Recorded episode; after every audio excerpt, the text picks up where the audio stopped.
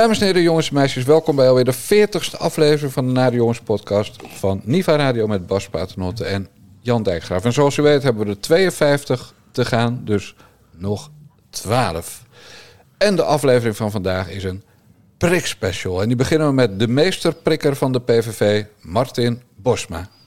Voorzitter, dank u wel. Plastex. Plasseks, meneer de voorzitter. Plasseks. En niet zomaar plasseks, nee, plasseks in een hotelkamer.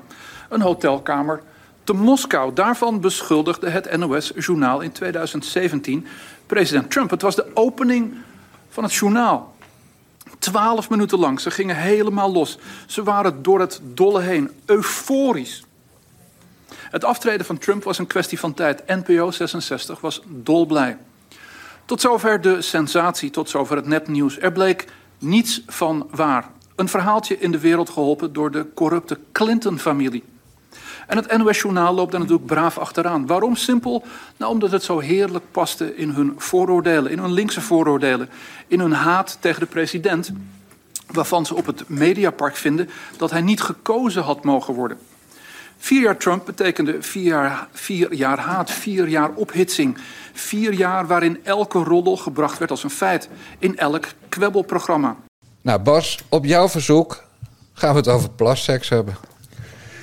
Nou ja, goed. Uh, Martin Bosma begon erover. De mediawoordvoerder des Vaderlands deze maandag tijdens de begrotingsbehandeling in commissievorm uh, van de mediabegroting. En uh, Martin Bosma die doet ieder jaar een fantastische rent over de NPO en wat er allemaal niet deugt en wat er allemaal niet aan de NOS deugt. En dat was dit jaar gewoon weer perfect. Al begint hij zichzelf wel een beetje te herhalen. Maar ja, dat komt ook omdat er natuurlijk heel weinig verandert bij, bij de NPO, ondanks de kritiek van de PVV. Uh, maar dit over die plasseks was wel aardig. Uh, want los van het feit dat hij daar, de, daar mooi de aandacht mee wist te, trekken. Uh, dit ging natuurlijk over nepnieuws wat de NOS heeft verspreid. Daar wijst hij heel duidelijk op. In, in 2017 kwam opeens dat verhaal door heel de wereld. dat de Russen complimenterende informatie over Trump zouden hebben. En hij zou in een Russisch hotel in Moskou zou die uh, ondergeplast zijn door prostituees en weet ik veel. En, maar dat, dat, dat is allemaal onzin. Dat is inmiddels bewezen dat het totale onzin is. Het komt ook uit het kamp van, uh, van, van de Clintons. alleen de NOS die heeft het wel de hele tijd gepusht. Ja. en, en daar zei Bosma dus terecht over. Ja, dit kabinet heeft het al jaren over nepnieuws. Maar ondertussen geven wij dus miljoenen, honderden miljoenen aan de NPO. Uh, waar, waar de NOS onderdeel van uitmaakt. Die dus ook gewoon nepnieuws over Donald Trump jarenlang hebben uh, verspreid. Dus dat was een, uh, dat was een heel, goed, heel goed punt. Er gaat alleen verder helemaal niks mee gebeuren. Want de minister zegt altijd van ja, ik, ik kan niet treden in de inhoudelijke stappen van, van, van omroepen. Maar natuurlijk zijn we wel tegen nepnieuws. Ja. Je hebt, uh, je hebt Jula Rijksman natuurlijk vorige week ook wel gevolgd. Die, ja. uh, die buitengewoon tevreden was over Jula Rijksman. Omdat ze zaken als inclusiviteit en zo uh, en klimaat nogal op de agenda had gekregen. En dat was haar taak als baas van de NPO. Ja, ik dacht het niet. Vertel. Haar taak is haar taak van, uh, als, als voorzitter van de NPO was, of als baas van de NPO, was niet om ons te beïnvloeden op het gebied van klimaat en migranten en inclusiviteit. Haar taak was uh, te zorgen voor een uh, breed spectrum aan, aan programma-aanbod. Ja. Maar ik heb nog nooit gehoord dat de NPO aan propaganda moest doen. Nee, maar ja, goed, dat, dat doen ze wel overduidelijk. Hè? Met die, wanneer was dat, die hele klimaatspecial? Dat was ja. laatst, toch? Dat ja, dat viel een beetje in het water doordat corona weer opleefde. Dus, ja, maar dat was ook allemaal omroep, omroep breed. Ja, ik, ja. ik, ik weet het niet precies. Ook zo'n taakstelling van de NPO. Ja, eigenlijk moeten ze gewoon faciliteren... dat al die, al die kutomroepen uh, gewoon een ding kunnen doen. En ze zullen ongetwijfeld uh, de, de, de poen verdelen. En... Uh, de kanaalmanagers, dat, die zijn ook NPO, toch? Ja, ja. En je hebt, je hebt natuurlijk dan bij tv heb je Frans Klein als de oppergoeroe. Die heeft dan ja, bij het video. Met die beslist uiteindelijk. Ja. En hij zegt wel dat dat niet kan, niet zo is. En dat er protest mogelijk is als die beslissingen neemt. Maar dit, ja, dat is natuurlijk gewoon zo. Kijk, en Rutger Kastrikum van Poont... die allemaal klimaatonzin gaat lopen propageren. Ja, dat is niet omdat Poont dat nou zelf bedacht heeft. Nee. Om over WNL maar niet te spreken. Ja. Hoe werkt dat dan? Dus ze krijgen dan een, eh, de, de, de opdracht? Of, Nee, het is net of- andersom. Eh, omroepen moeten voorstellen doen. Dus dan zegt in dit geval de NPO... nou jongens, we gaan een week eh, heel veel aandacht besteden aan het klimaat. Want in, in Glasgow wordt vergaderd over klimaat. Er gaan al die privéjets naartoe om, om een weekje te vergaderen. En dan mogen omroepen inschrijven. Nou, dan zegt bijvoorbeeld Castricum... die dan zo'n programmaatje heeft waarin hij achter in een taxi zit... Nou, dat, dat willen wij ook wel, want dan krijgen we budget. Dus dan bedenken ze niet dat ze tien klimaatkritische eh, mensen uitnodigen om in die, in die taxi te gaan zitten. Maar dan bedenken ze, nou, we, we zijn poont, dus we moeten ook wel één eh, kritisch figuur. Dat was dan Caroline van der Plas uitnodigen. Maar verder eh, ja, gaan we natuurlijk wel volop mee in de propaganda. Dus dan doen, we... Dan doen we ook Dylan Jusilkus. eh dit Ja, doen we ook op de achterbank. Want ja, Dylan is nu chef klimaat. En die, die is heel erg voor behapbaar en betaalbaar klimaat. Nou, weet je, en dan, dan, eh, ja, dan komt de poen. En, en de poen eh, voor Poont is poen voor Weesie en poen voor, eh, voor Rutger. Ja. Ja, en, en bij WNL, nou, je, je weet nog dat eh eh, Arend Jan Boekenstein daar een programma kreeg met Rob de Wijk. En toen gingen ze, gingen ze Guy Verhofstadt interviewen, een uur lang. Bij, bij, bij WNL, de rechtse omroep. Pure. EU-propaganda, klimaatpropaganda. Ja, het is, het is om gek van te worden. Maar Ja. dat die mensen ook geen schaamte kennen. Die, heet die Bert Huisjes, die is dan van WNL, toch? Ja, ja, Betty is super ambitieus. En kijk, het, het systeem is gewoon pervers. Want op het moment dat je programma's krijgt, krijg je geld. En op het moment dat je geld krijgt, krijg- kan je mensen aannemen. Ja, en dan word je groter. En dat is uiteindelijk waar het om te doen is. Ja. En, en Arnold Kaskers die is nu heel blij met eh, twee keer 40 minuten tv per week rond lunchtijd op, op NPO 1. Ja, we, het is gewoon helemaal niks. Het is helemaal niks. Te- Kijkt TV geen hond. Televisie is sowieso voor bejaarden. Ik kijk echt nooit tv. Nee. Maar ja, Ar- Arnold die doet alsof hij een. eh, Arnold doet alsof hij een oh, grote overwinning heeft geboekt, wilde ik zeggen. Maar ja, als je even het YouTube-filmpje afkijkt. eh, wa- waarin hij eh, de bekendmaking doet van het feit dat ze geen radio krijgen op NPO Radio 1. Maar een podcast mogen maken één keer per week. Hè? Nou, dat, dat kan elke boerenlul. Ja, Eh, kijk, kijk naar de nare jongens. Precies, ja. Dus, dus daar is hij dan heel blij om. Mag hij een podcast van 45 minuten maken? Waarom 45 minuten en waarom geen 43 of 47 of een uur en drie minuten? Want ja, Ja. dat is ook dat oud-mediale denken. Het moet in een, eh, in een bepaalde lengte passen, want anders is het niet goed. Ja. Dus daar krijgt hij dan geld voor, voor, voor ja, letterlijk 52 podcasts per jaar. Namelijk 40 eh, wekelijkse en 12 maandelijkse nog. En voor eh 40 weken, twee keer 40 minuten muziek of televisie eh, op NPO 1 tijdens de lunch. Dus als normale mensen eh, werken. Eh, ik, ik zeg maar wat geks, maar die hebben helemaal geen tijd om tussen de middag eh, NPO 1 te kijken. Ja, daar gaat hij dan ook heel blij over lopen doen. Althans, een poging tot. Want Arnold Kaskers en blij doen, dat, ja, dat, is een rare combinatie. Ja, dat kan en, niet dan gewoon gaat niet. hij, en dan gaat hij Hilversum dus veranderen in Ja. een lunchprogramma. Het is toch allemaal zo triest. Ja, dat, dat Ik is bedoel, zo toen, dom. Toen Poon begon op tv... In mijn herinnering begon dat nog wel echt leuk. Want jullie begonnen toen, hè, omdat jij er toen nog ook nog bij betrokken was. Dat was echt een, eh, een Poont, eh, journaal.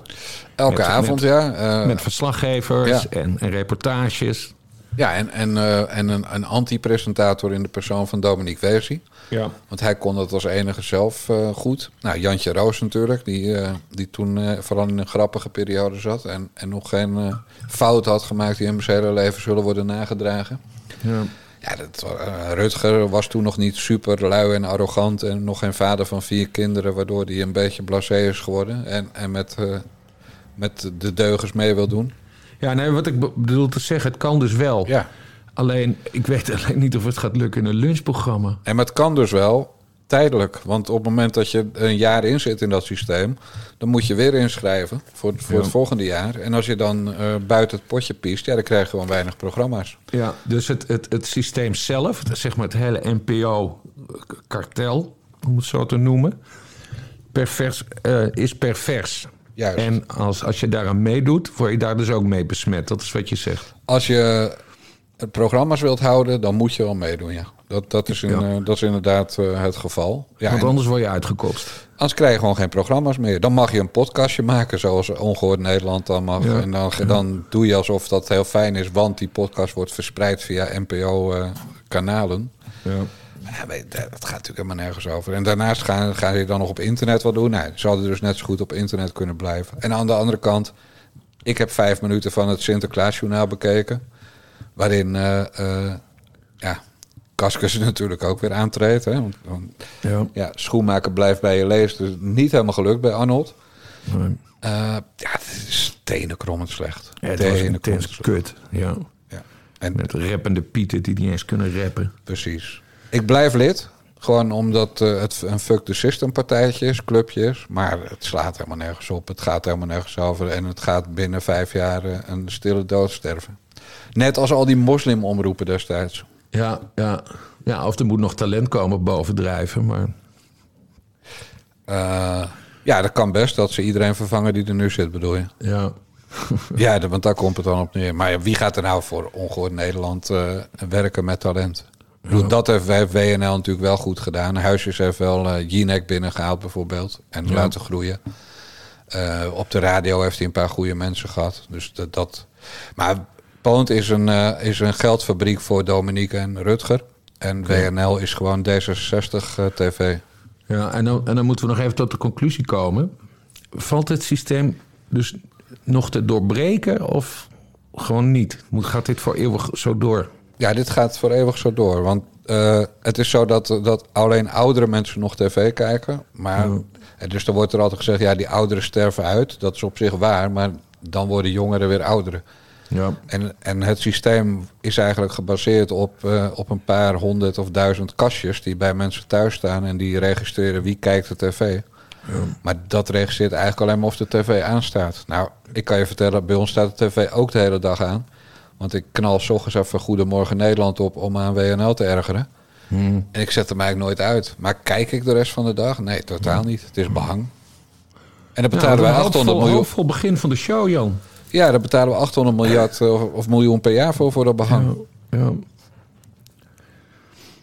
Ja, het is om een. Maar goed, Martin Borstma zijn jaarlijkse rent is altijd weer genieten. ja. En Arie Slop eh, had zijn laatste optreden, denk ik, als minister van Media. Dat zou zo, ja, dat weet, dat weet je nooit. Want hij is wel eens eerder, eh, eerder werd hij directeur van het museum. En toen kwam hij ook weer terug in de Kamer. Hij heeft niks goed gedaan, hè?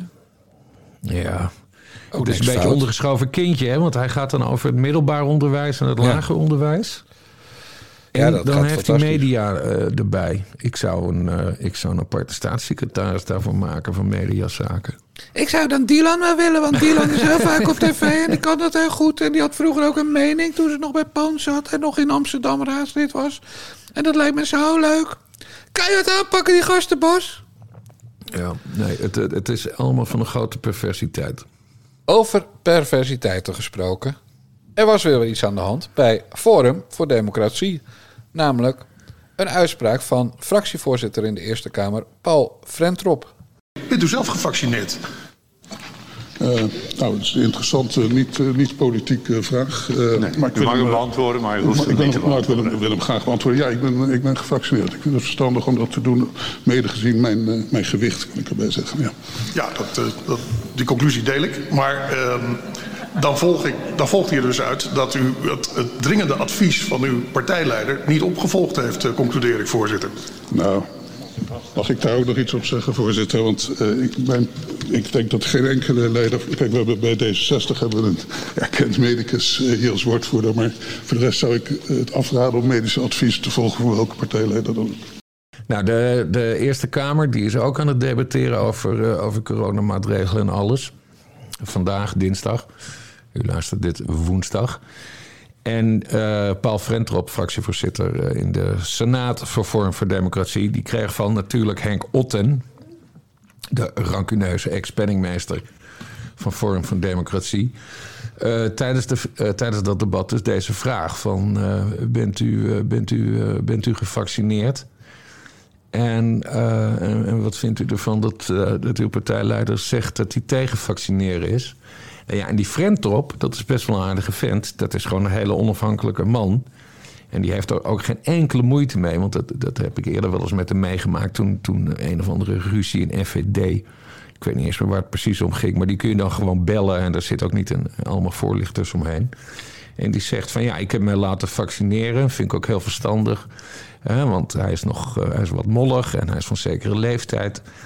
En verder Net als wij. interesseert het, uh, net als wij. En verder inter- interesseert het hem geen barst dat Baudet zegt uh, dat hij, dat hij tegen, tegen vaccinaties is. Want ja, dat, hij raadt het af om medische adviezen te volgen van welke partijleider dan ook. Dus dat was wel grappig. Dus dan denk je gelijk natuurlijk, is het een, wordt dit een schisma? Maar Baudet die liet al snel uh, weten in een, in een verklaring dat het aan ieder voor zich is om zich te laten vaccineren of niet. En zoals bekend, zegt hij, is Vorm voor Democratie een voorstander van maximale vrijheid om te beschikken over het eigen lichaam. Nou ja, het is op, het is, het is op zich wel, wel grappig natuurlijk. Want Baudet, die heeft boven zijn, boven zijn Twitter-account... heeft hij staan, uh, echt paternotte. Bereid nou een keer wat voor, idioot. Nu moet ik dus even de Twitter-account van Thierry Baudet erbij jongen, pakken. Jongen, jongen, ja, het is echt... Trouwens, laat hem tussendoor dan meteen maar even feliciteren met het feit dat hij gehuwd is.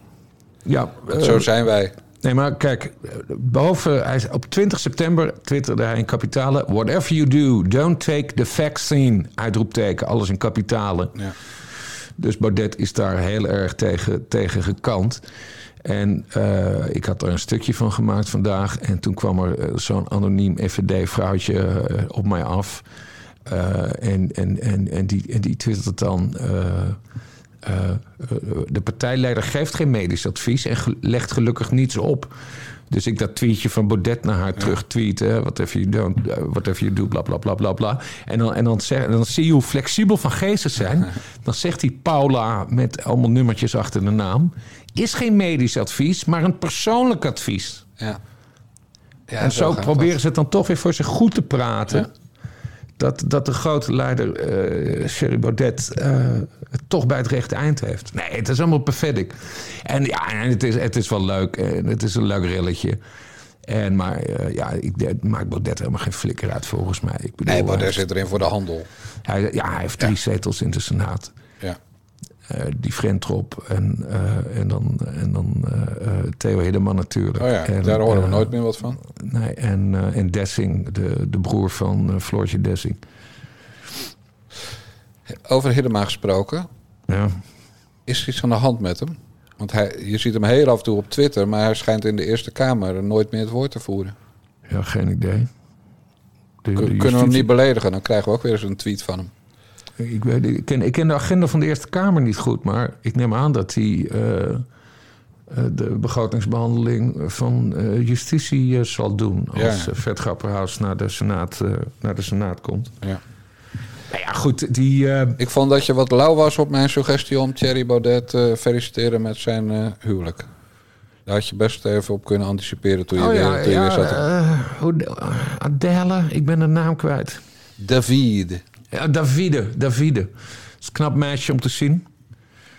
Ze stond dus op de begroting, hè? Ja, 19.000 euro, euro voor fotografie. Ja. Het schijnt een hele goede fotograaf te zijn, want dat soort tarieven... Ja. Die zijn nog, dat is nog, ja, tenzij ze heel veel mensen heeft gefotografeerd, maar ja. Er gebeurde, er gebeurde vorig jaar, was dat volgens mij. Ik heb er toen over getwitterd. Iets heel grappigs. De livestream van de Tweede Kamer die stond nog open terwijl de vergadering was afgelopen. En op een gegeven moment zie je Baudet de kamer binnenlopen. Dus de, de, de plenaire zaal. Ja. Uh, die dus leeg is. En dan zie je Baudet binnenlopen. Uh, zij en, en dan nog een medewerker. Ik weet niet, de voorlichter van dienst destijds. Want die mensen zijn ook allemaal weg. En dan gaat Davide allemaal uh, foto's maken van Baudet. En dan, en dan zien ze dat er iemand aankomt. En dan rennen ze weg. Alsof ze betrapt zijn. En ik vond dat zo'n bizar fragment. Want, want Baudet is gewoon Kamerlid. Ja, die mag en die mag, zijn. Hè, het is zijn huis, de Tweede ja. Kamer. En die mag dus gewoon doen wat hij wil. Dus als hij tijdens een schorsing of, uh, of als er gewoon geen vergadering is... kan hij gewoon foto's maken, eh, laten maken van hem in de, in de kamer. Maar ze, ze renden als kleine kinderen weg. Ik ben dat nooit vergeten, omdat het, ik weet niet, hij snapt gewoon helemaal, helemaal niet hoe de Tweede Kamer Hij kent de werkt, regels niet, bedoel je? Hij is, ja, de regels, dat snapt hij gewoon niet. Dat was heel raar, want hij hoeft helemaal niet.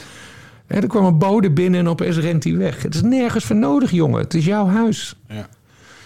Maar goed, Baudet luistert naar niemand. Nee, wat trouwens met dat vaccineren wel, wel grappig is, is... Het is helemaal niet zo gebruikelijk dat Kamerleden of dat politici vertellen of ze al dan niet gevaccineerd zijn. Hè? Die Friendrop deed dat gewoon.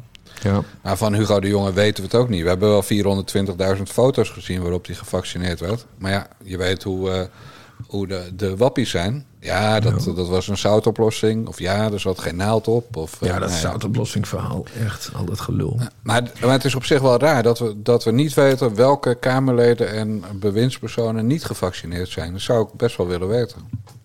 Ja, maar ik vind dat dus helemaal niet belangrijk. Ik wel. Want eh, Goed het, voorbeeld het gaat gewoon niet meer. daarom doe ik ook niet mee aan die QR-code, aan die, eh, aan die, aan die coronapas. Ik wil helemaal niet aan iemand te hoeven bewijzen dat ik gevaccineerd ben. Nee, jij Dat, niet. dat is heel principieel. Hè? Ik, ben, ik ben gevaccineerd. En daar sta ik 100% achter. En iedereen mag dat weten. Maar ik ga dat niet mij laten opdringen om, om toegang tot de horeca te krijgen. Daarom ga ik dus niet meer naar het café. Nee. En als een minister of een staatssecretaris of een, of een Kamerlid eh, eh, niet wil vertellen dat hij is gevaccineerd, ja, dat is je goed recht. Dat is je goed recht. Het, het gaat over je persoonlijke lichamelijke integriteit. Nou, dat, dat niet, want dat, dat is spuit zelf. Maar als stel dat Grapperhaus niet gevaccineerd is. Dat is dat verhaal van Ebru Oemer. Ja, maar stel dat... Ja, dus dat heeft Ebru de lucht ingegooid. Betrouwbare bron. Nou, daar hield het Ja. alweer op. Dus eh, voorlopig is het niet waar, hè? Volgens eh, journalistieke regels. Want één bron is geen bron. En, en het is ook... eh, eh, ja, het is verder ni- niemand is erop ingegaan. Maar stel dat het niet zo is. Als zo iemand jou vertelt van... Beste, beste mensen, we moeten allemaal vaccineren. Ja, dan is hij volstrekt ongeloofwaardig geworden als hij dat zelf niet gedaan heeft. En als hij dat niet gedaan heeft op medische gronden, hè, dat kan. eh, nou, dan, dan is het een goed verhaal om te zeggen: ik zou me altijd vaccineren, maar ik heb een medische reden waarom Ja. ik het niet doe. En, Ja, maar goed, dan moet iemand dat een grapperhaus vragen. ja, en ik vind het raar dat het niet gebeurt. Nee. Bedoel, op die persconferenties worden altijd heel veel onbenullige vragen gesteld, maar de vragen die er echt toe doen, die Ja. worden niet gesteld. Hé, maar nu hebben we het, over, eh, over, we hebben het alweer over die lul. Eh, laten we even die lul aan het woord laten. Want die had weer een persmomentje op zondag eh, ergens in Rotterdam eh, in, aan een winderige rivier die we kennen als de Maas. Inmiddels is bij 13 van de 61 geteste mensen is vast komen te staan dat het gaat over de Omicron-variant. Ehm, en dat betekent dat deze mensen sowieso in isolatie zetten. Dat geldt ook voor de mensen die positief getest zijn in, eh, sinds afgelopen vrijdag die in het vliegtuig hebben gezeten.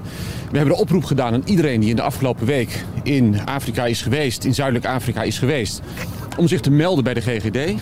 En als zij positief testen, vragen we ook hen uiteraard om in isolatie te gaan.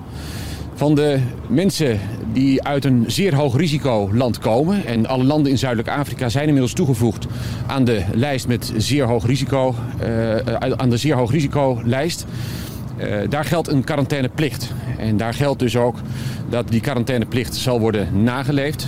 Eh 100% van de mensen die terugkomen zal worden gebeld. En we vragen ook de gemeente om 100% van deze mensen thuis ook te bezoeken om te toetsen of zij daadwerkelijk in quarantaine zijn.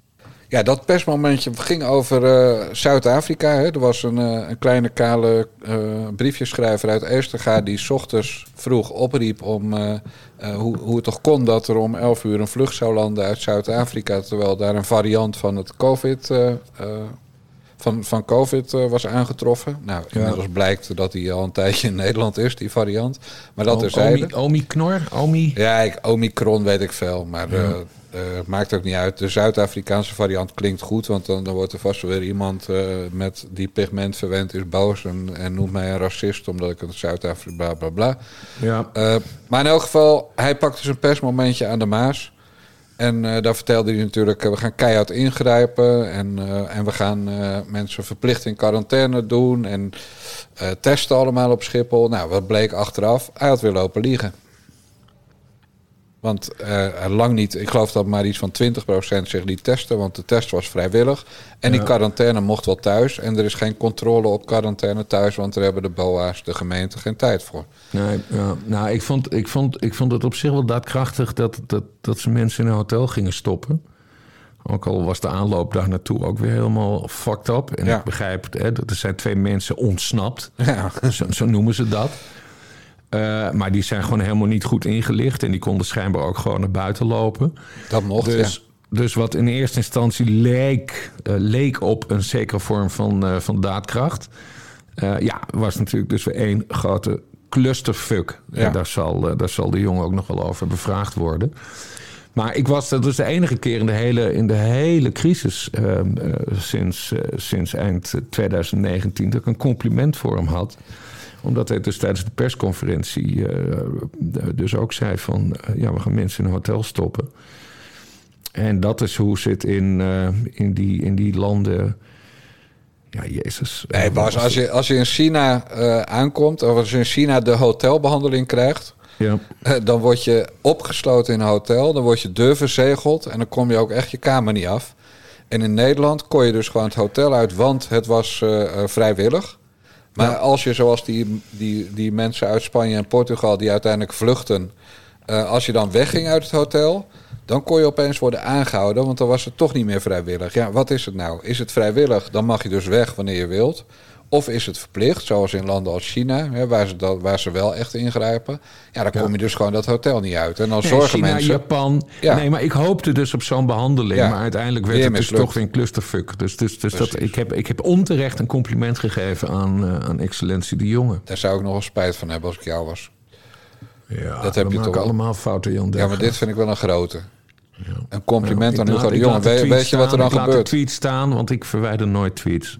Nee, daar heb je ook weer gelijk in. Nou goed, de volgende clusterfuck van, eh, van Hugo de Jonge is de boosterprik. Bij de persconferentie zei hij, we komen goed op stoom.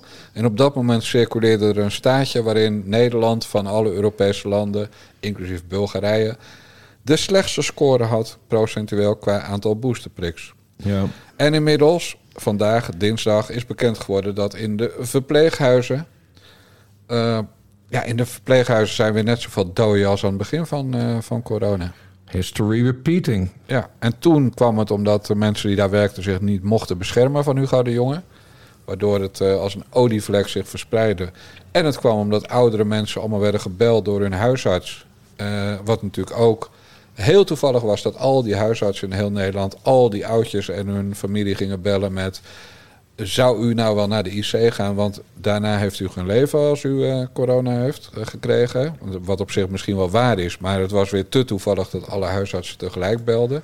Kortom, de oudjes worden op dit moment weer uitge, ja, ik zeg maar uitgemoord. Want zo zie ik dat een beetje.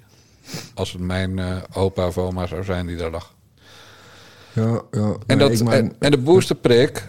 Eh, volgens mij wisten we in juli, augustus al dat, eh, dat dat misschien verstandig was. Dat is namelijk bij alle vaccinaties zo. Dat, eh, dat het nuttig kan zijn, een herhalingsprik. Nou, we zijn weer de laatste. En feest, sinds gisteren is Bulgarije. Hebben we Bulgarije ingehaald. Nu zijn ja, dat nog... zag ik. Dus, dus ik, ik, ik tweette gelijk... hahaha, domme Bulgaren. Ja. ja, maar het is toch erg. Nee, maar het is schandalig. We zijn van de rijkste en van de beste landen ter wereld. En, en, en sowieso, de, de, de vaccinatie kwam überhaupt al veel te laat op gang. Ja. En, en nu verneuken we het ook met de boosterprik. Ja, en het is weer wijzen. Het is weer suggereren van het komt op stoom. Eh, ja, het komt op stoom suggereert toch echt dat de boot aan het varen is. Terwijl de boot nog bijna stil ligt. We zitten nu nog aan mensen, ik geloof dat vandaag mensen uit 1939 en ouder zich mogen melden. Maar dat betekent niet dat je meteen kan komen. hè. Je kan nu een afspraak maken. Ben jij wel bijna aan de beurt? Dat Ja, hij, zei, hij zat eraan te komen. Ja, dat klopt. Eh, ik ben uit 1962, eh, lieve mensen. Dus inderdaad, ik, ik denk dat ik begin februari, eind januari, als het heel erg mee zit, wel een, eh, een, een oppep-prik, want zo, moet, zo noemt de jongen tegenwoordig, een oppep-prik mag halen. Ja. Zo'n woord waar je je tong over struikelt. Maar dit is toch God geklaagd. Want dit betekent gewoon dat, eh, eh, dat, dat, dat, dat er nog meer gevaccineerden eh, naar de IC zullen gaan. Nee, dat is een grapje. Heb jij, heb, jij, heb jij eigenlijk bezwaar tegen die boosterprik? Nee, natuurlijk niet. Ik ga dat gewoon doen. Maar ik heb het ook deze week nog omschreven. Ik heb gewoon die prik gehaald en daar had ik twee redenen voor. De eerste reden is dat ik, dat ik geloof in. Dat, ik, dat ik geloof dat dit vaccin helpt tegen het voorkomen dat ik op de IC kom. Ja. Wat met mijn eh, eh, enige, met, met licht overgewicht, eh, gewoon niet handig is om daar te komen. Hè. En ik ben bijna 60. Dus dat is ook een, een goede reden. Maar een andere, ja, kijk, ik heb, 40, oh, ik heb 30 jaar gerookt. Dus ik heb 30 jaar drum in mijn bek zitten, en met een drummetje in mijn bek gezeten. En ik rook te veel. Ik moet echt niet gaan, en ik eet ook frikandellen trouwens. Ik moet echt niet gaan zeiken over dat er heel misschien in dat vaccin over 20 jaar blijkt dat ik dan iets aan mijn nieren krijg. Omdat het toch een bijwerking was die ze nu nog niet kenden, omdat het tekort bestaat. Het is zo, dat risico. Dus dat geef ik die wappies ook allemaal toe. We weten niet of ze, acht, of ze over 20 jaar gelijk zullen, zullen hebben gehad. Maar ik weet wel dat ik nu het risico heb eh, ingeperkt. En er is nog een heel andere reden. Ik kom graag in Zuid-Frankrijk of Midden-Frankrijk. Ik kom graag in Zuid-Portugal. En het is gewoon te ver met mijn Lada Niva. Dus dan wil ik het vliegtuig in. En om het Ja. vliegtuig in te kunnen, heb je nou eenmaal die prik nodig. Ja, ja, ja. Ja, of eh, testen hè, tot nu toe. Maar Ja. dan moet je dus elke keer zo'n staaf in je neus. En ik vind dingen in mijn lichaamsopeningen van anderen gewoon niet lekker, Bas. Nee, nee, nee. Ik ben Dat geen is- Sidney Smeet, zo maar Dat is zeggen. heel beeldend, heel beeldend eh, gezegd. Ja, Nou ja, goed, daar gaat het dus komende week ook over. Eh, Want we komen nu op die 2G-discussie. ja. Eh, leg nog één keer heel helder Oké. uit wat 2G is. Je hebt drie G's. De eerste G is gevaccineerd. De tweede G is genezen. En de derde G is getest. Nou, en, in, in een, en we hebben in Nederland één pleitbezorger al maandenlang voor 2G. En dat betekent de G van gevaccineerd en de G van genezen. En dat is eh, jouw naamgenoot van deze achternaamgenoot van D66, Jan Paternotte. En inmiddels eh, zijn er landen die, die daar al toe zijn overgegaan. En zal Nederland, als aan Hugo de Jonge en eh, het CDA, of het CDA, VVD, D66 ligt, zal Nederland binnenkort ook overgaan op 2G. En dat betekent dat de mensen die ongevaccineerd zijn het nog moeilijker gemaakt zal worden om eh, eh, ergens binnen te komen. Nou, wat, wat gebeurt er? Die snappen ook wel dat het doorgaat, hè? want dat gebeurt namelijk met alle plannetjes van Hugo de Jonge en Vet Grapperhaus en, Ma- en Mark Rutte. Wat doen die mensen nou? En zeker jongeren zie ik dat, dat zie ik letterlijk gebeuren. Die houden allemaal feestjes waar ze elkaar besmetten. En dan denken ze, nou, dan hebben wij het gehad. En dan zijn, vallen we onder de tweede G van genezen. Ja. En dan, eh, dan krijgen we alsnog die QR-code. Nou, het is natuurlijk een levensgevaarlijk experiment. Expres eh, corona oplopen. Ja. En niet bij kinderen van 18, bij de meeste, maar wel bij mensen die wat ouder zijn. En de meeste wappies zijn volgens mij wel wat ouder dan 18. Ja. En we gaan dat dus komende week in de Tweede Kamer zien. Ja. Eh, vandaag op dag van uitzending is het reguliere eh, debat over de strijd tegen het coronavirus. Daar zal de 2G-discussie uiteraard aan de orde komen. En volgende week is het debat over het daadwerkelijke wetsvoorstel. En het is een beetje spannend, want de ChristenUnie, daar is nog steeds van onduidelijk of zij dit willen steunen. En ondertussen is de Partij van de Arbeid wel een beetje aan het neigen om dit te ondersteunen. Dus dan heb je een Kamermeerderheid, in ieder geval in de Tweede Kamer. Hoe dat in de Eerste Kamer afloopt. Hebben ze iets meer nodig. Daar is meer, Ja, meer, maar daar meer voor nodig. Ja, dan zal Henkie Otter wel weer eh, Ja. meedoen. Nee, Adje En- Kuik is, is een sleutelfiguur, hè? ja, alles hangt af van Adje Kuiken. Dat was een, eh, een lollig interview eh, of analyse in de, in de Volkskrant eh, deze week. Ja. Eh, ze heeft een beetje de rol eh, die Paternotte heeft. Hè? Paternotte die spreekt zich continu uit voor het regeringsbeleid. ja. En daar krijgt hij heel veel shit mee. Eh, met name vanuit de eh, bevolking. Niet zozeer in de Tweede Kamer, maar vanuit eh, de- gewoon de reacties uit het land. En Kuiken die gaat zich nu ook in die positie manoeuvreren. Omdat zij woordvoerder corona is voor de, voor de fractie van de Partij van de Arbeid. Dus ik ben wel benieuwd. Ze gaat ook heel veel shit krijgen. Maar ze, is, ze is niet bang. Ze komt uit Friesland, dus dat is altijd positief. Friese, Friese blondine. Ja. Het is hout van rugby. Die, en ze houdt van rugby. En, en, en een andere hobby is, eh is diepzeeduiken, meen ik. En ik, ik vind haar eh, wel stoer. Dus zij gaat dat wel. eh, Ja, maar je doet, het je wel doet net alsof het Maar goed het is. wordt wel spannend. want het gaat natuurlijk ook zijn terugslag vinden op de, op de Partij van de Arbeid. Bij de gemeenteraadsverkiezingen. Ja. Nee, want je doet net alsof het goed is dat ze shit gaat krijgen en dat tegen kan en daartegen bestand is en bla bla bla. Hmm. Eh, maar wat je tussen de regels door zegt, en ik denk dat het ook zo is, ze gaat gewoon mee. Ze gaat gewoon eh, het beleid steunen. Ze gaan weer het kabinet redden. Ja, dat zou kunnen, maar misschien ook niet. We, we weten het niet. Eh, hè? Ze heeft aarzelingen, maar wil er met een open blik naar Ja, kijken. nou, dan weet je toch genoeg. Dan is het een kwestie van dat ze, dat ze iets krijgen in het regeerakkoord. Ja, dan moet er iets tegenover Ja, staan. en, inderdaad. en die vreselijke koehandel, die gaat dan wel ten koste van... of die zorgt voor tweedeling in de maatschappij. Ja. En daar ben ik echt heel erg pissig over. Dus als, Maar we als je- zitten sowieso al in een enorme tweedeling in de maatschappij. ja, maar we hielden tot nu toe wel echt rekening met de grondwet. Ja, en dit soort nee. dingen, dit, dit, dit is uiteindelijk echt wel vaccinatiedwang aan het worden. Ja. Eh, en dat, en, want het gaat natuurlijk straks ook naar de werkvloer. En op het moment dat het op de werkvloer moet, dan mogen werkgevers je dus gaan ontslaan op termijn. Als je, als je niet eh, die QR-code kunt tonen. Ja, en dan, dan zullen toch. Nou, zegt stel eh, een echtpaar, man is een wappie, vrouw is gewoon 100% normaal. Een man zegt, nou sorry Truus, maar eh, ik word ontslagen binnenkort, want deze jongen gaat niet zijn QR-code laten zien, want die heeft hij niet. Hij laat zich niet vaccineren en genezen is hij ook niet. Dan Ja. zegt Truus toch echt, hé hey, beste, beste Jan of Kees of Piet of Bas, jij gaat wel even die prik halen vriend, want anders eh, kan je mooi de tering genieten. Dan ben ik pleiten, pak ik mijn Ja. koffertje in, neem ik een creditcard mee voor zover er nog wat, eh, wat op staat. En dan, eh, dan ga ik weg. Dus je krijgt gewoon rare situaties in gezinnen. Ik denk dat die er sowieso al zijn. Het kan niet anders. Ah, dat is er ook zijn zo. al- Er zijn zo. al coronascheidingen uitgesproken. Ja. Mooi woord. Ja. Moet je, moet je munten, dat woord. Coronascheidingen. U hoorde het voor het eerst.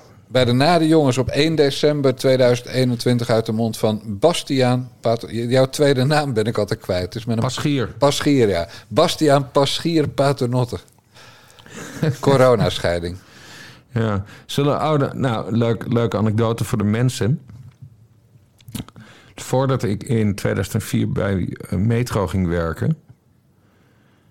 eh heette ik Bastiaan P. Paternotte. Maar dat was te lang voor de credit in de krant. en toen heeft Jan gezegd... vanaf nu heet je Bas Paternotte. Dus ik, oké. ja, zo ging dat toen nog. Toen Ja, luisterde ging dat toen nog. Ja.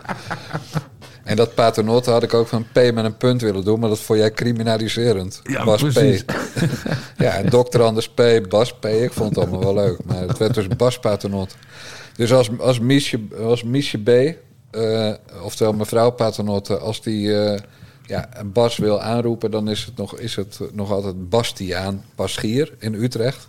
Nee, nee, zij, noemen, zeggen zij noemen ook Bas. Oh. Dat- ik heb dat volledig geïnternaliseerd. Ja. Het is jouw schuld. Ja, nee, ik, Door Jan neem, Dijkgraaf heb ik mijn voornaam moeten veranderen. ik neem de schuld volledig op me. Ja, maar het, het past ook echt beter in de krant. Dus dat, eh, ik, begreep het technisch aspect wel. Ja. hey, ehm, we hadden het over de PvdA. Tijd voor een bruggetje. Ja. Die andere PvdA uit Rotterdam. Helaas eh, moest de politie vrij snel de conclusie trekken dat eh, nogal wat van mensen die daar stonden niets vredigs eh, eh, meebrachten, maar erop uit waren om eh, te rellen, de politie uit te dagen, eh publieke eigendommen eh, te vernielen, brommers in de brand te steken, barricades op, te, op, te, op te werpen.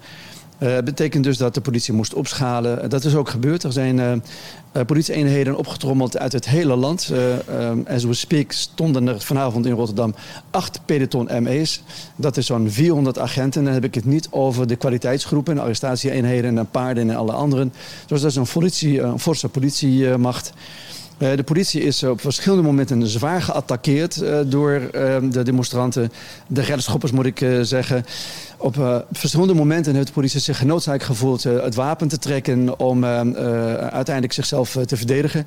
Er is ook gericht geschoten, er zijn ook slachtoffers bij gevallen. Ja, ik geloof dat het vorige week was dat, dat ik nog heel hoog opgaf van Ahmed Abu Talib.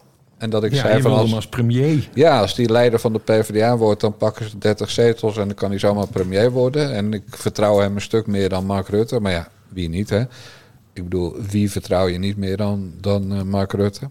Maar nu ben ik wel een beetje pissed off over Abu Talib. Want die wil dat de wet dusdanig wordt veranderd dat bij rellen, hè, zoals uh, vorige week of anderhalve week geleden in de Koolsingel en omgeving, dat bij rellen mensen kan worden verboden om dat te filmen en uit te zenden.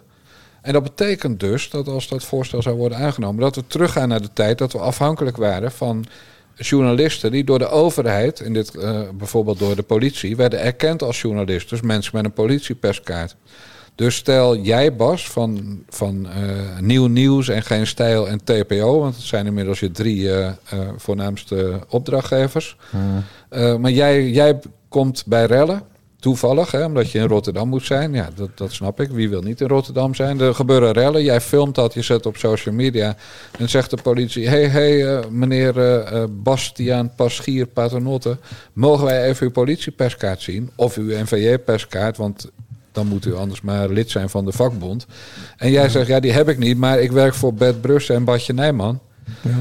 Ja, dan zeggen ze, nou, hier met uw, met uw camera, met uw telefoontje. En ja, dan, kan je dus ook nog, uh, als, kan je, theoretisch kan je nog bestraft worden als je dat dan niet doet en door gaat filmen. Ja, ja dat, is, dat is bruin. Dat is eng. Ja, kijk, het is, het is, het is sowieso heel kwalijk. Ehm, ik ben trouwens wel een voorstander van de politieperskaart. Ik heb die zelf ook jaren gehad. Want toen ik in de Tweede Kamer werkte... Uh, moest ik ook wel eens, uh, zeg maar, Haagse stadverslaggeving doen. Of als er een relletje was, dan ging ik er ook gewoon naartoe. En dan heb je dus een politieperskaart. Dat is gewoon een klein pasje, kun je laten zien. En, en dan een, een rellenkaart.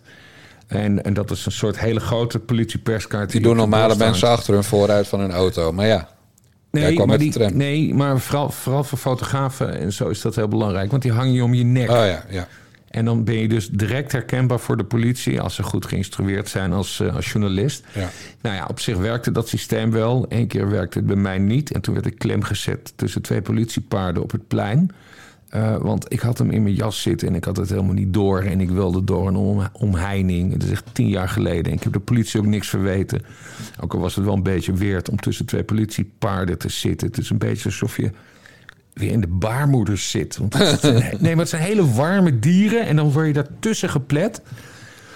Uh, maar goed, dat systeem van de politieperskaart dus. Wat op zich ook niet werkt, want laatst was er... was dat weer? Toen werd er ook een journalist opgepakt. Uh, maar goed, uh, Abu Taleb gaat een stap verder. En die heeft het wat je dan met burgerjournalisten zou kunnen noemen. Uh, ja, het kunnen ook gewoon wappies zijn met een camera, hè? Voor, de, voor de goede orde. Maar dat maakt niet uit. Nee, want uh, in principe gewoon, ja, uh, iedereen moet op de openbare weg kunnen filmen, toch? Ja, want kijk, ik, ik noem even Mitch Henriquez. Die naam zegt je nou al wat. Die in, in Den Haag door een politieagent werd, laten we maar zeggen, gesmoord. Waar ja. de dood op volgde. Ja. ja. dat is alleen maar ooit ellendig geworden voor de politie, omdat burgers dat filmden. Want anders was het, was het gewoon gebleven bij een, een ontkennende verklaring van de politie. Van ja, we hebben hem echt niks aangedaan. Echt niks aan het handje. En dus het is gewoon heel belangrijk. En dat is ook een van de zegeningen van die mobiele telefoon. Dat de politie zich op straat veel minder kan misdragen dan vroeger. Ja, Want dat komt in die, beeld. Die beelden van Mitch Enriquez, hè, dat was op een festival in, uh, in Den Haag, gaat in grote mond tegen de politie. Ja. En uh, de politie heeft hem toen echt verschrikkelijk af, afgetuigd. Uh, zijn, echt, ik heb dat politierapport gelezen. Dat zijn, zijn penis was naar binnen geschopt. Ja. Echt te erg. En op die beelden zie je dan... Hè, de politie zegt uh, zijn eerste instantie van... we hebben de man aangehouden en die brengen we over naar het ziekenhuis. En dan, en dan zie je op die beelden, die inderdaad door een omstander zijn gemaakt, dat hij praktisch levenloos, want hij is in het ziekenhuis uiteindelijk overleden, maar praktisch levenloos in zo'n, in zo'n ME-bus wordt, wordt, wordt, wordt gesjouwd. Ja. En zonder die beelden, uh, of die beelden, die hebben het een stuk, de zaak een stuk sterker gemaakt. Ja. En, en daarom is het echt een heel fout voorstel van Abu Taleb. Die dan toch opeens weer die Marokkaan is die gewend is dat in dat soort landen hè, de, de mensen in de kerken worden gepleurd en in elkaar worden geslagen tot ze bekennen, ook als ze het niet gedaan hebben. Ja. Dus ik snap echt niet. Abu Talib de, je prijst hem de ene week en de volgende week dan, dan wordt het weer, weer zo'n zo, zo'n RIF-bewoner. Ja. Die Nou gewoon. ja, ik, snap, ik snap een heel klein beetje zijn zorgen. En dat gaat vooral om de live-verslaggeving. Want tijdens die rellen in Rotterdam... eh, eh, toen had ik een, een live blogje was ik aan het maken. En dan, toen was er een of andere gast, een wappie... die had Ja. een, een livestream op YouTube... En ehm, hij zat dan in zijn, in zijn woonkamer, in zijn boxershort, eh verslag te doen van die rellen. Op basis van beelden van weer een andere wappie die live aan het uitzenden was. En die, ja, die gozer die vertelt dan op YouTube van live, hè? Ja. Van ja, en de revolutie is nakende. En straks, eh, straks krijgen we de, de tribunalen. Oh, geweldig dit, geweldig. Kijk, brandende politieauto's. Ja, dat is gewoon opruiende shit. ja. Eh, Dat maar is eh, er zijn misschien ook wel mensen die gewoon eh, als burger verslag willen doen en dat gewoon willen vastleggen. ja, maar als het opruimende shit is, kan je iemand daarvoor vervolgen. En, hand, voor- maar, niet voor, maar niet vooraf verbieden. nee, precies. Dat En- is het verschil. En het, en het mooie is, je zegt al, het is een livestream. Dus daar kan ook niet geknipt en geplakt worden. Kijk, Nee. wat verderfelijk was, was natuurlijk dat in Rotterdam toen het nieuws werd verspreid, nepnieuws, dat er doden waren gevallen. Dus dat de politie mensen hadden doodgeschoten. Ja. Maar dat los je niet op door het filmen en het uitzenden van filmpjes te verbieden. Dus, dus wat je gewoon doet is de openbaarheid. Dus op de openbare weg mag je alles filmen, fotograferen enzovoort. Hè, met bepaalde restricties. Eh, maar, maar die ook, dus op het moment dat, de politie, dat er een noodbevel is, dan mag de politie al heel veel doen. Bijvoorbeeld jou daar weghouden. En als je dan Ja. geen politiepaskaart hebt, dan kom je er dus niet. Dus het is helemaal niet nodig. Er is altijd een noodverordening, noodbevel. Dus het, het is een, een hele rare gedachte om die openbaarheid via de wet daar weg te halen. Ja. Kijk, weet Nee, je het, wie is hier ook voor ontzettend is? repre- het is ontzettend repressief. Ja, het is, het is gewoon. Weet je, ik verwacht zoiets van John, Jo- John Jorisma in, in Eindhoven. Dat is De echt zo'n hysterische burgemeester van ja, dat is zo'n zo'n teringleier die dit soort dingen voorstelt. Maar ik had het niet van onze Abu verwacht, Bas. Nee. Dus, dus ik wil hem nog altijd liever als premier dan Mark Rutte. Eh Ja. Dan komt dan toch mijn rode hart weer, eh, weer boven. Ja, ik zei van laten we van Abu Talib dan eh, minister van Justitie maken. Maar daar zie ik nu ook vanaf. Ja, juist, juist kan hij dat niet. Nee, dan, dan maar van de omroepen. Ja, nou, laten we hem de media... Nee hoor, ik ben nog steeds voor premier Abu Talib. Ja. Want de PvdA is natuurlijk helemaal dood nu. Dat is ook weer zonde, zeg ik dan van, met, gezien mijn verleden bij die partij. Eh, dus, maar ja, deze Partij van de Arbeid, en zeker als Adje Kuiken ja gaat zeggen, verdient het gewoon om dood te gaan. Helemaal Ja. kapot. Kapot ermee. Dood. Weg. Nou, dood, dood, dood. Cancelen die partij. Nu een beetje oppassen. Cancelen die partij. Ja. Cancelen. Ik ruik wederom een bruggetje. Nee, het doet echt, papa, het doet echt pijn. Nou, maar Hou eens op, joh, met dat slappe gedoe. Nee. nou, als zij brandwonden heeft straks, is het jouw Nee, brandwonden, wat? Brandwonden, kan dat? Ja. Papa, haal het eruit. Nee, nee, Papa, nee, ik ben bang. Nee, het Zij doet echt korstjes, pijn, man. Het doet pijn. Dat, maakt- dat maakt helemaal niet uit. Oh, je krijgt korstjes. Nee, ik wil geen korstjes. Dat zegt zij. Papa, jij bent toch kapper? Slap, Nee, joh. doe het ze maar af voor kind. Ik Ik wil niet. ik wil niet dat zilver. Dan ik wordt ben het, ook, bang. wordt het ook niet blond. Ik wil geen... Ik moet toch geen brandwonden hebben? Krijg je helemaal niet. Jij zegt ik had vroeger korstjes. Ja, nou en? Nee joh, kind, kom maar. Stomme mama. Heel erg Ik pijn. ga uit voor mijn stoel, want ik wil wel mijn stoel behouden. Dat ze niet met zwa- met blonde vlekken op mijn stoel. Ga uit haar licht. Ga Zij uit haar licht, ga uit mijn... Oh, het is veel te heet. Ik snap het. Ja, je, Stoom komt ik- eraf. Godverdomme. Hey. Blijf zitten! Nee, ik ben bang. Nee, het komt heb ik geen haar meer. wel. Ja, eindelijk is iemand die niet in de politiek zit en er ook echt niet in moet. Maxime Meiland. En waarom hebben we die nou in de uitzending, Bas? Nou ja, eh, eh, haar, haar moeder, waar jij een boek mee hebt geschreven... die werd in eerste instantie al gecanceld door de ansichtkaartenindustrie. Ja, En, en, en, en nu heb je Em- Emma, Emma Matras... Emma Matras, ja, dat klopt. Die, die, die nu de dochter willen cancelen. Hebben gecanceld. Hebben gecanceld. En? Ik, ik mag even één, één grapje Ja. tussendoor. Doe maar. Iemand appte mij dat eh, heel leuk van. Kent, kent eh, iemand eh, Emma Matras? En toen zeiden ze, ja, dit gaat over Emma Wortelboer, of niet? Nou heb ik de, het seksisme deze uitzending helemaal laten liggen. Maar dames en heren, Bas Paternotte komt er alsnog mee. Emma Wortelboer is een matras. Ja. Maar eh, v- vertel even, want het zijn nu ook meerdere bedrijven aan het worden, Ja. begreep ik. Ja, Maxime eh, eh, slaapt blijkbaar op een Emma-matras. Nou ja, ze weegt weinig en is jong, dus dat kan. Maar mensen van onze leeftijd schijnen een halve hernia eh, en een kapotte ruggengraat te krijgen. Omdat het, eh, Nou, laat ik even schetsen wat Emma-matrassen zijn. Die worden dus... Matrassen zijn groot, hè? dat weet je wel. Dus die zijn minimaal 80, bij- 80 centimeter bij 2 meter. Maar een Emma-matras wordt bezorgd in een doos waar ongeveer een poster in kan. En hoe kan dat? Omdat die matrassen, ja, die zijn gewoon van schuimrubber shit. En die kan je helemaal oprollen en fijn duwen. En dan eh, neemt het totaal geen volume in. Dus Bas, kan je wel nagaan dat mensen van jouw gewicht... eh, wel betere matrassen kunnen vinden dan een Emma-matras. Dat ten eerste. Maar goed, Maxime schijnt dus een deeltje te hebben met dat bedrijf. Of had een deeltje met dat bedrijf.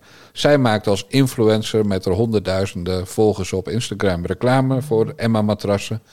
En Emma-matrassen betaalt daar een zeker bedrag voor.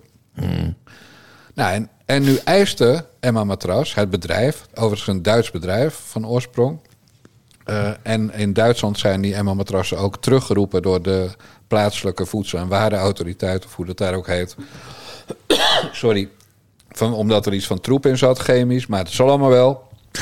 Maar dat bedrijf eiste dus van Maxime dat ze afstand zou doen in het, in het publiek van de uitspraken van haar moeder over de islam.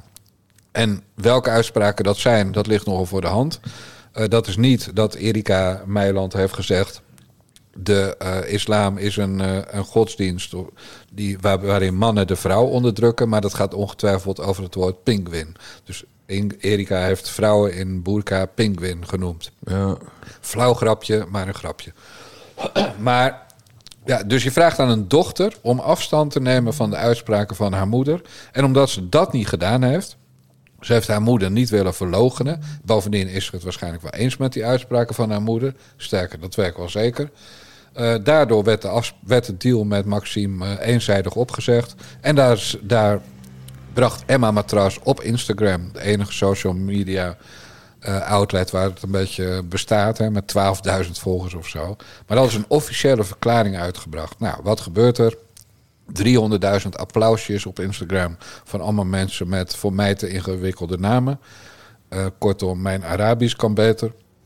Eh, en eh, ja, je jaagt de bedreigers, de toetsenbordterroristjes, weer op dat meisje af. eh, Ja. Die twee weken geleden nog kanker werd toegewenst. Inclusief haar twee kinderen van 4 en 0. Eh, en doodsbedreiging, nou ja, het hele circus. Dus dat is vuil. Nou, inmiddels blijkt dat ook Nivea van de zalf. En ja, iets, iets met dat je eten in een doos thuisgebracht wordt. Hello Fresh. En Hello Fresh, ja. ja. Dat die, eh, die blijken de samenwerking met haar ook te hebben opgezegd. Dus op het moment dat je geen afstand neemt van de uitspraken van je moeder, eh, word je gewoon gecanceld, zoals dat heet. En Ja. wordt, eh, nou mag elk bedrijf de samenwerking opzeggen, daar, ben ik, daar zijn bedrijven voor. Maar de reden waarom, dus ten eerste, iemand zet zich af tegen onderdrukking van vrouwen. Nou, dat lijkt mij een nobel streven, maar dat valt dus niet onder de definitie van inclusiviteit en diversiteit die dat soort bedrijven hanteren. En, en het feit dat het niet eens om je eigen uitspraken gaat, maar om die van een familielid. Ja, ik, zal, ik zal even een mooie Godwin erin gooien. Eh, tijdens het Derde Rijk eh, traden de Duitsers, eh, of de nazi's moet ik zeggen, erg hard op tegen, tegen verraders. Hè? Dus die lui die de aanslag in 1944 op Hitler pleegden. Eh, dat ze hem opbliezen en dat hij, dat hij het overleefde. Eh, dan werd ook de gehele familie opgepakt. En dat, dat noemden ze Sippenhaft. Eh, dus dat je de, de familie van, een, van iemand die je regime bedreigt ook aanpakt. Dat is Ja. precies wat hier gebeurt. Nu moet die Maxime Meiland zich verantwoorden voor haar moeder. Ja, afstand nemen van haar moeder. Dat is nog Ja, erger. hè? zelfs afstand nemen, dat, is, dat is nog erger. Dat, dat, dat, dat, dat, dat, is, dat is trouwens een stap verder. Dat is bijna communistisch. Ja, dat is het. Het is Sovjet-Unie, het is Noord-Korea. Ja. En, en zip, Sippenhaft hoor ik net. Ja, Sippenhaft dus. En, eh, maar jij zit beter in die wereld. Eh, Kost dit die Meiland, eh, dus die Maxime bedoel ik nu, hè? kost dat haar dat ook wat? Is Ja, dat kost haar meer? heel serieus geld, ja. Ja, zeker. Die- wat voor die- bedragen hebben we? Eh, nou, ja, dit, dit zijn wel bedragen eh, waarvoor jij zou tekenen. Nee, maar is het 10.000 euro of is het een ton of is het meer? Of... Het zit eerder bij de ton dan bij 10.000. Maar ik Ja. ken de exacte bedragen niet. En als ze zou kennen, zou ik zeggen... ik ken de exacte bedragen niet. Nee. Maar dit, dit gaat om zeer serieuze bedragen. Dus er wordt nu ook serieus aan de portefeuille getast. Ja, dat is de bedoeling. En, en eh, ja, de bedoeling van de, van de tegenstanders dus. En, en op het moment dat. Kijk, dus het, het wordt nog erger op het moment dat je het niet in stilte doet. hè, Zo'n overeenkomst opzeggen. Maar dat je er eh, reclame mee maakt voor jezelf. Want dat is wat dat Emma-matras heeft gedaan. Het is, deug, het is deugreclame. Ja, Hallmark vorige week. eh, Ja. Met eh, de hele familie Meiland. Ja, het, het, het, kijk, het, gaat niet om, het gaat niet om racisten in mijn ogen. eh, maar zij, eh, zij framen de familie natuurlijk als racisten. Ja. En, en wat is nou de echte kritiek van Erika? Eh, ja, dat, dat niet de vrouw alles van zichzelf moet bedekken. Omdat de man zich niet kan inhouden als hij een enkel ziet of, of een snor haar bij zijn vrouw. Ja, maar dat de man zich, eh, zich dan, dan maar zou moeten bedekken. Zijn ogen dus, zodat hij het niet kon zien. Ja. Heeft iemand eigenlijk al aangifte gedaan tegen Erika, dan wel haar dochter? Nee, maar dat is wel overwogen, heb ik begrepen. Ja, dat, want dat is natuurlijk altijd. Er zit altijd op, op internet van, van, die, eh, van die eenzame rukketjes. eh, die dan, die dan gaan roepen. "Oh, nu Hello Fresh nog, nu Hello Fresh nog. Weet je wel? En dan Hello Fresh mentionen, zodat Hello Fresh klantenservice het ook ziet. Ja. Nou, grappig was, dat ik had vanochtend contact met, eh, met Erika en Martien. En toen, toen eh, zeiden ze dus, ja, eh, Nivea en HelloFresh hebben inmiddels de samenwerking ook opgezegd. Toen ging iemand, dat, dus dat zette ik als update onder mijn briefje van Jan, hè, want dan had ik ook eens een keer een nieuwtje. Ja. En dat tussen haakjes achter bron Erika. Nou, ten eerste nemen al die media die gisteren heel, heel blij schreven over meilandjes worden aangepakt door, door Emma Matras. Schreven, namen dat allemaal niet over. Eh, dus, dus het is vandaag nog steeds Emma Matras die het doet. Ja. Ja, en nou, wat ik zeggen wilde was eh, ja, dat, dat dan. Dat, ik weet niet meer wat ik zeggen wilde eigenlijk, godverdomme. Nou, maar goed, wat duidelijk is, kop boven maaiveld, kop moet eraf. En dan heb je dus een soort lobby-systeem, een Ja. lobbykartel. Eh, en wij weten beide uit welke hoek dat komt. Dat komt uit de islamitische hoek. Nou, en, de, en de linkshoek. En de, en de linkse deugers. eh, die dus dan serieus eh, bedrijven als, eh als de Ansichtkaarten en de, en de, de, de Nivea en de HelloFresh, bla bla bla bla bla. Die dus allemaal, allemaal gaan aanschrijven. En die be- bedrijven doen het dan in de broek. Tuurlijk. En die, oh ja, ik weet wat ik wilde zeggen, Bas. Eh, er was iemand die toen, die naar aanleiding van mijn, eh, mijn update eh, naar HelloFresh ging schrijven met schandalig dat jullie dit doen.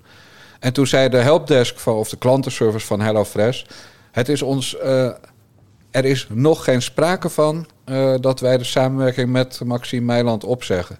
Terwijl ik dus van Erika wist dat de samenwerking al is opgezegd. Dus ze liegen nog op het moment dat ze rechtstreeks de vraag krijgen... van hebben jullie inderdaad de samenwerking om deze reden opgezegd... dan doen ze alsof, alsof dat nog, daar nog geen sprake van is. Nou, het kan natuurlijk dat zo'n helpdesk-miepje dat niet wist. Eh, dat dat zo'n Duncan van, de, van die afdeling eh, gewoon niet op de hoogte was. Ja. Maar dan had hij dat antwoord niet moeten geven. Dan had hij gewoon moeten zeggen, ik weet het niet. Maar dus dus ze willen er ook weer over vergaderen. Ze hebben de samenwerking opgezegd, maar dan willen ze toch weer over gaan vergaderen hoe ze dit naar buiten gaan brengen. Dus dan gaat HelloFresh ook nog even, morgen of zo, of vandaag, zijn mediamomentje pakken. Met, nou, kijk, ons is deugen. Nee, wij vinden het echt vreselijk. Nou, die hebben geleerd van, eh, van Emma Matras. Dus die gaan niet meer zeggen, ze had afstand moeten nemen van de uitspraken van haar moeder. Maar die gaat, gaat gewoon zeggen, ja, dit straalt af op ons merk, weet ik veel, bla bla Ja. bla. Het is allemaal van een hemeltergende fucking lafheid. Juist. En dat, en dat is zo'n kotsen. En, en dan verwacht je, omdat dit gaat over vrouwenrechten... En, en dat iedereen, ook links wel weet... dat in Iran vrouwen 24 jaar de cel ingaan... als ze hun hoofddoek afdoen. Hè? Om Ja. even aan te geven hoe, hoe niet politiek eh, bepalend die hoofddoek is.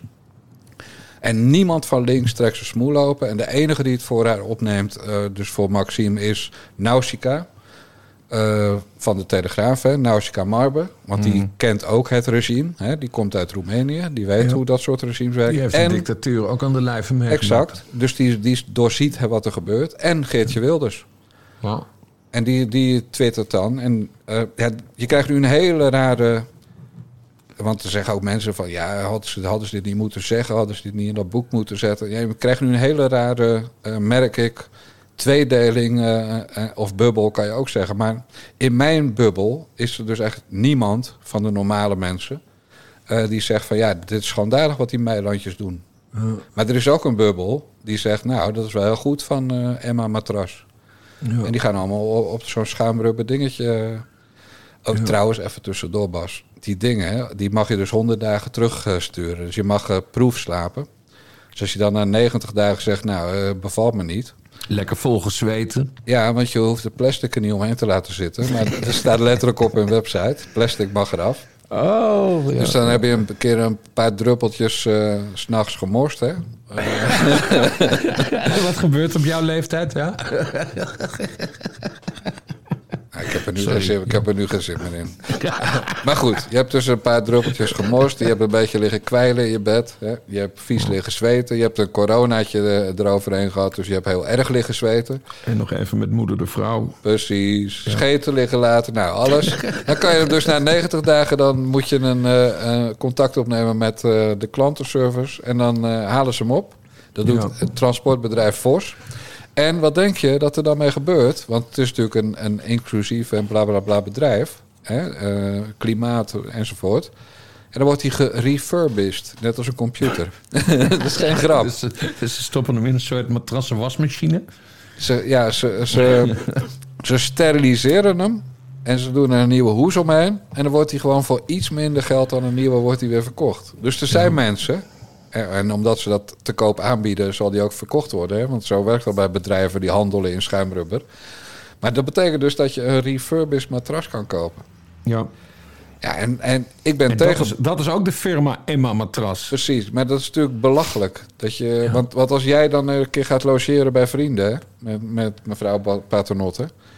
en dan, dan zie jij dat daar een logo op het matras staat van Emma... dan weet jij niet of je op een nieuw matras van Emma ligt te pitten... of op een gerefurbished waarop eh, bejaarde mensen hebben liggen druppelen, kwijlen enzovoort. Ja, exact. Dus Exact. ja, ik zou dan geen Emma-matras willen, eerlijk gezegd. Maar goed, en jouw suggestie is dus... eh, Ja, nee, ik ben tegen boycotten. Ik ben tegen boycotten. Ik vind boycotten dat je mensen hun geld afneemt, vind ik echt niet kunnen. Vind ik niet deugen. Dus mijn idee was, laten we Emma-matrasjes aan het werk zetten.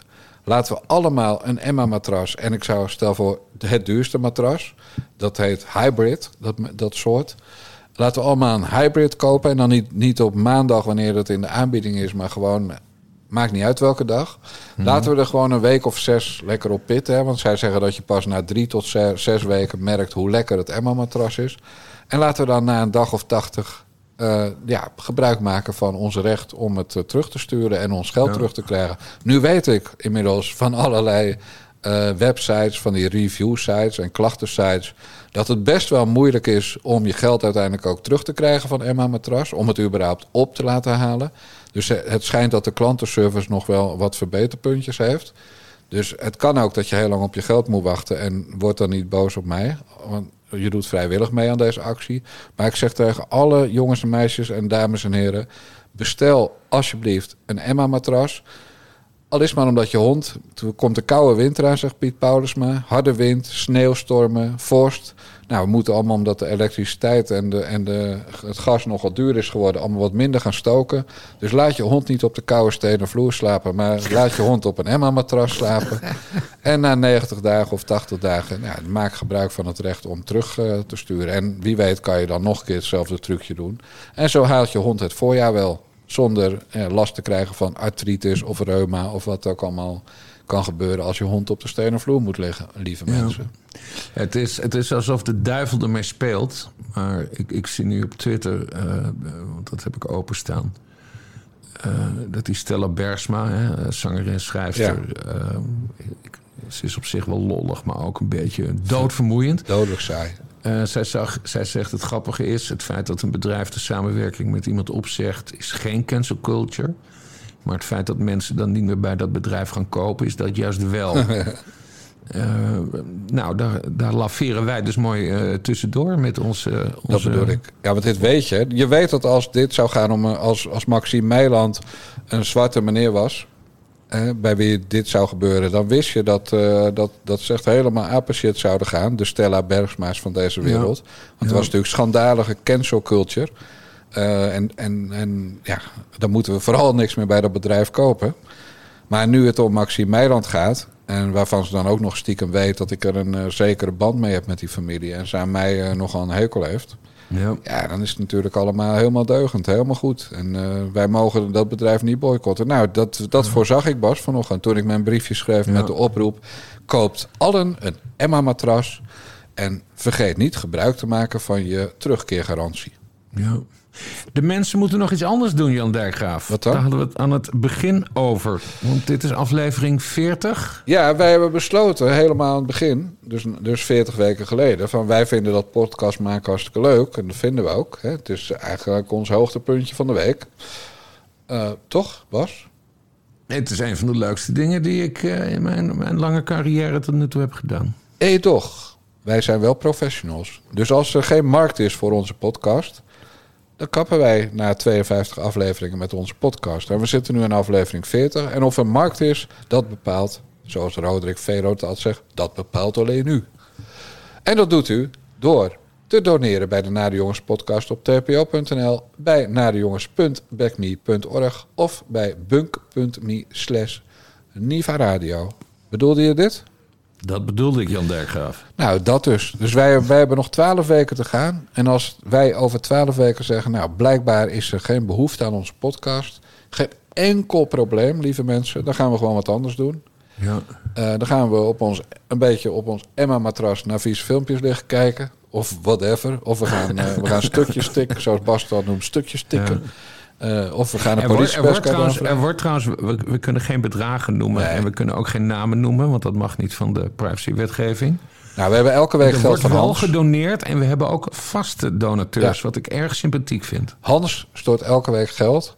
En Hans, we hebben het al eerder over Hans gehad, dus ik mag zijn naam nu zeggen. Hans eh, bepaalt eh, de waarde van onze, onze aflevering letterlijk door een ander bedrag te storten elke week. En dat varieert van ja, een keurig bedrag tot een heel keurig bedrag. En dan weten wij, nou, we hebben het goed of slecht gedaan. En ja, heel misschien eh, gaan we ook nog binnen die 52 afleveringen een keer goed geluid afleveren. Dus dan zijn we van dat eeuwige gezeik over kutgeluid, hè, wat, wat vanaf het begin de bedoeling was. Van, Ja. Het is maar een beetje gerommel in de marge, dus we doen expres kutgeluid. Nou, dat is gelukt. Daar krijgen we nooit klachten over. maar eh, nee, wij zijn hard voor onszelf. Dus als er voor ons geen markt is, dan hebben we 52 weken geprobeerd. Inclusief de weken dat we op vakantie waren. Nou, ik dan, want Bas gaat nooit op vakantie. En dan is het gewoon einde verhaal. Ja. En dan En gaan dan we gaan gaan. we, en dan gaan we een boek schrijven. Een jaar lang podcast maken. Ik heb trouwens een boekje gekocht over podcast maken van, een, eh, van de man van Paulien Cornelissen, Chris nog wat. Zo'n NPO-type. En dat is heel grappig. Het was een boekje van 70 pagina's op heel klein formaat. En dat is gebaseerd op in de jaren 30 tot 50 had je van die boekjes met hoe moet je solliciteren. Een serie van die boekjes. Hè. En zo heeft hij eh, Hoe maak ik een podcast eh, geschreven. Ik heb het gisteravond gelezen. Ik heb er niks van geleerd. Hoezo heb je er niks van geleerd? Nou ja, er Stond niks in wat ik niet wist. Gewoon nul tips.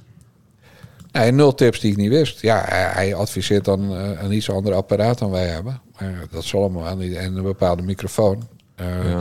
Maar wat hij bijvoorbeeld niet, accepteert, eh, niet eh, adviseert, is bunk.me Oké. of backme.org. Dat, dat adviseert hij gek genoeg niet. Dus hij heeft wel twee van die donatieplatforms, benoemt hij. Eh, Maar dat zijn dan net niet die twee waar wij bij zitten. Dus ja, nou, wij gaan natuurlijk niet overstappen, want wij zijn trouw aan. Nou, Bunk is gewoon een hele linkse bank. Hè. Wij vinden het heel grappig om bij zo'n linkse bank te zetten die constant re- eh, rechtse mensen en eh eh, cancelt. Ja. Want ja, je moet ze van binnen uitslopen. Dus daarom zitten we bij Bunk. En Backme is van Ahmed Arad. En Ahmed is een Marokkaan in een rolstoel. Nou ja, wij kunnen natuurlijk naar al die donatieplatforms. Maar wij zeiden nee, het wordt nadejongens.backme.org. Omdat dat van Ahmed Arad is. Want wij willen zo'n Marokkaan in een rolstoel... die gewoon 10% pakt van wat wij eh, aan donaties krijgen. Ja, die willen wij ook steunen. Toch? Ik ben, ik ben benieuwd wanneer die, eh, die jongens en meisjes van, hoe heet dat, Broodbak, die, die extreem linkse toestand. Ja. Wanneer ze, wan- wanneer ze Back Me en Bunk gaan benaderen van... eh, weten jullie wel dat jullie Ja. de nare jongens faciliteren? Goed punt. Ja, want ja, ik, vind het, ik denk dat ik dit even ga, uit ga knippen. Want, want dit gaan ze natuurlijk gelijk doen. En dan zegt Ahmed Arad, hè, die zegt dan... eh, ho, ho, ho, dat willen wij niet. Wij willen niks te maken hebben met nare jongens. Wil, wil broodbak, broodbek niet bij, eh bij, bij backme.org. Dan is het broodbak.back. Bro. Hoe heet het nou? Broodbek? Broodroof? Brood, eh, nee, nee, oh, dit is trouwens wel grappig, broodroof. Nee, brood, broodlijn? Ik weet het echt niet meer. Ik zag trouwens nog even, even terugkomend op onze grote vriend Jan Benning. Een trouwe Mhm. luisteraar ook. En, en, en ook eh, niet zuinig geweest met donaties. Die ene keer.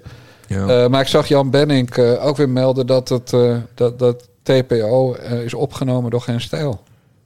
Nee. Ja, dat schreef hij. Ja, maar dat is allemaal gelul. Het is een hele mooie samenwerking. We hebben een nieuwe site. Heb Ik je die al het. gezien? Ja, ik ben er blij mee. Het is eh, eindelijk voor mensen zonder leesbril ook een beetje leesbaar. TPO.nl. Ja, we zijn lean en mean. Het ziet er echt zo prachtig uit. Hè. Ik ben extreem conservatief. En eh, ik denk dat we de vormgeving van TPO sinds eh 2012... 1993. ja, nee, maar misschien wel al tien keer hebben veranderd. En ik vind Ja. het merendeel van de tijd kut. Maar dus de derde keer dat ik het, eh, dat ik het helemaal toejuich. Is het een, eh, een thema wat ik zo kan overnemen of niet? Voor mijn eigen Ja, geen idee. Dan moet je bij Giorca zijn. Die heeft het allemaal gecoördineerd.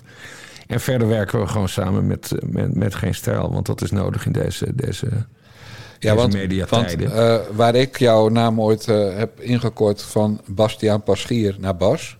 omwille van de creditruimte... ja, is toch heet je bij? Nieuw D- Nieuws... heet je. Paternotte. D. Paternotte, precies. Ja. Ja, Zonder ja, punt. Ja. Weet je wie dat vroeger ook eh, deden?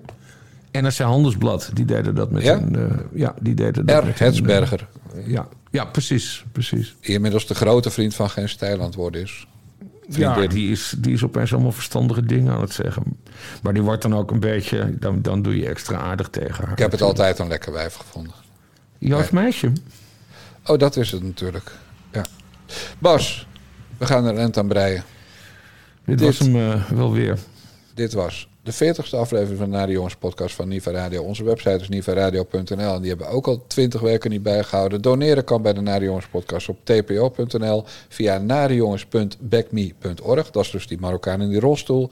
Of via bunk.me slash nivaradio. En dat is dus die extreem linkse bank. Heb je tips? Wil je ons overladen met complimenten? Wil je inbellen? Stuur dan een voicebericht via WhatsApp naar 06 50 20 81 03. En niet allemaal tegelijk alsjeblieft. Ty Dojďoj.